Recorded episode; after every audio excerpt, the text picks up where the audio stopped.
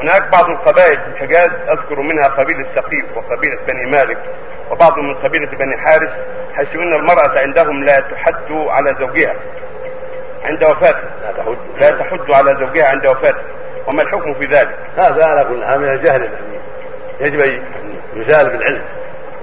وكان في بني مالك وغير ذلك لابد أن يبلغ الدعاة هناك ووصى القضاة. بأن يوجهوا الناس إلى هذا الشيء الذي يجهلون وهو عدم الإحداث. يعني أن المرأة إذا مات زوجها لا تحد عليه. والإحداث هو ترك الزينة والطيب والحلي ونحو ذلك وقت وقت العدة. حتى تنتهي العدة. يبلغنا ذلك إن شاء الله. هذا واجب. يبلغنا فإن الرسول صلى أمر بالإحداث على الزوج أربعة أشهر وعشرة. والإحداث هو ترك ما يدعو إلى نكاحها ويرغب فيها ويرغب في النظر فيها من أنواع المحسنات الملابس الجميلة والطيب والحلي والحلي والكحل وأشبه ذلك. وعليها أن تلزم بيتها وقت العدة حتى تنتهي عدة الوفاة. وإذا كانت حاملا حتى تضع الحمل. نعم. باقي السؤال.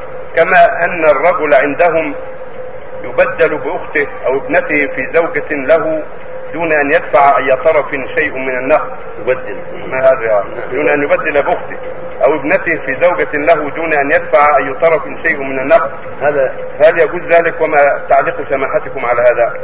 هذا يقال الشغار. ويسميه بعض الناس نكاح البدل.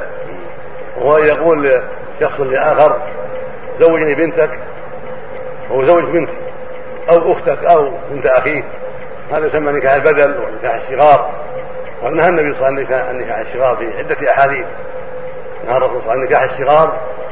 وهو يقول الرجل للآخر زوجني بنتك أو زوج بنتي أو زوجني أختك أو زوج أختي أو يقول زوج ابني وابنك أو ابني وأخت وأخاك أو ما أشبه ذلك.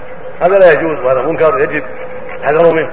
حتى ولو سموا مهرا الواجب الحذر من ذلك وألا تكون المرأة مهرا للأخرى. بل هذا يخطب وهذا يخطب فمن ناسبه القبول قبل ومن لا فلا. أما شارط البدل هذا يعطيه بنته وهذا يعطيه بنته أو أخته أو بنت أخيه يعني موليته. هذا لا يجوز والنكاح فاسد ولو سمى مهرا. وذهب بعض العلماء إلى إلى أنه إذا سمى مهرا المثل صح ولكنه قول مرجوح والصواب أنه لا يجوز تعاطي هذا النكاح مطلقا ولا سمي مهرا. وثبت عند أحمد وأبي داود وغيرهما أن شخصين في المدينة تناكحا شغارا وسميا مهرا فرفع ذلك إلى أمير المعاوية رضي الله عنه وكتب إلى أمير المدينة أن يفرق بينهما وقال هذا هو الشغار الذي نهى عنه النبي عليه الصلاة والسلام. وكان قد سميا مهرا. نعم. لدي وهذا ما يروى في حديث عمر في تفسير الشغار وأنه هو الذي ليس فيه فيه مهر.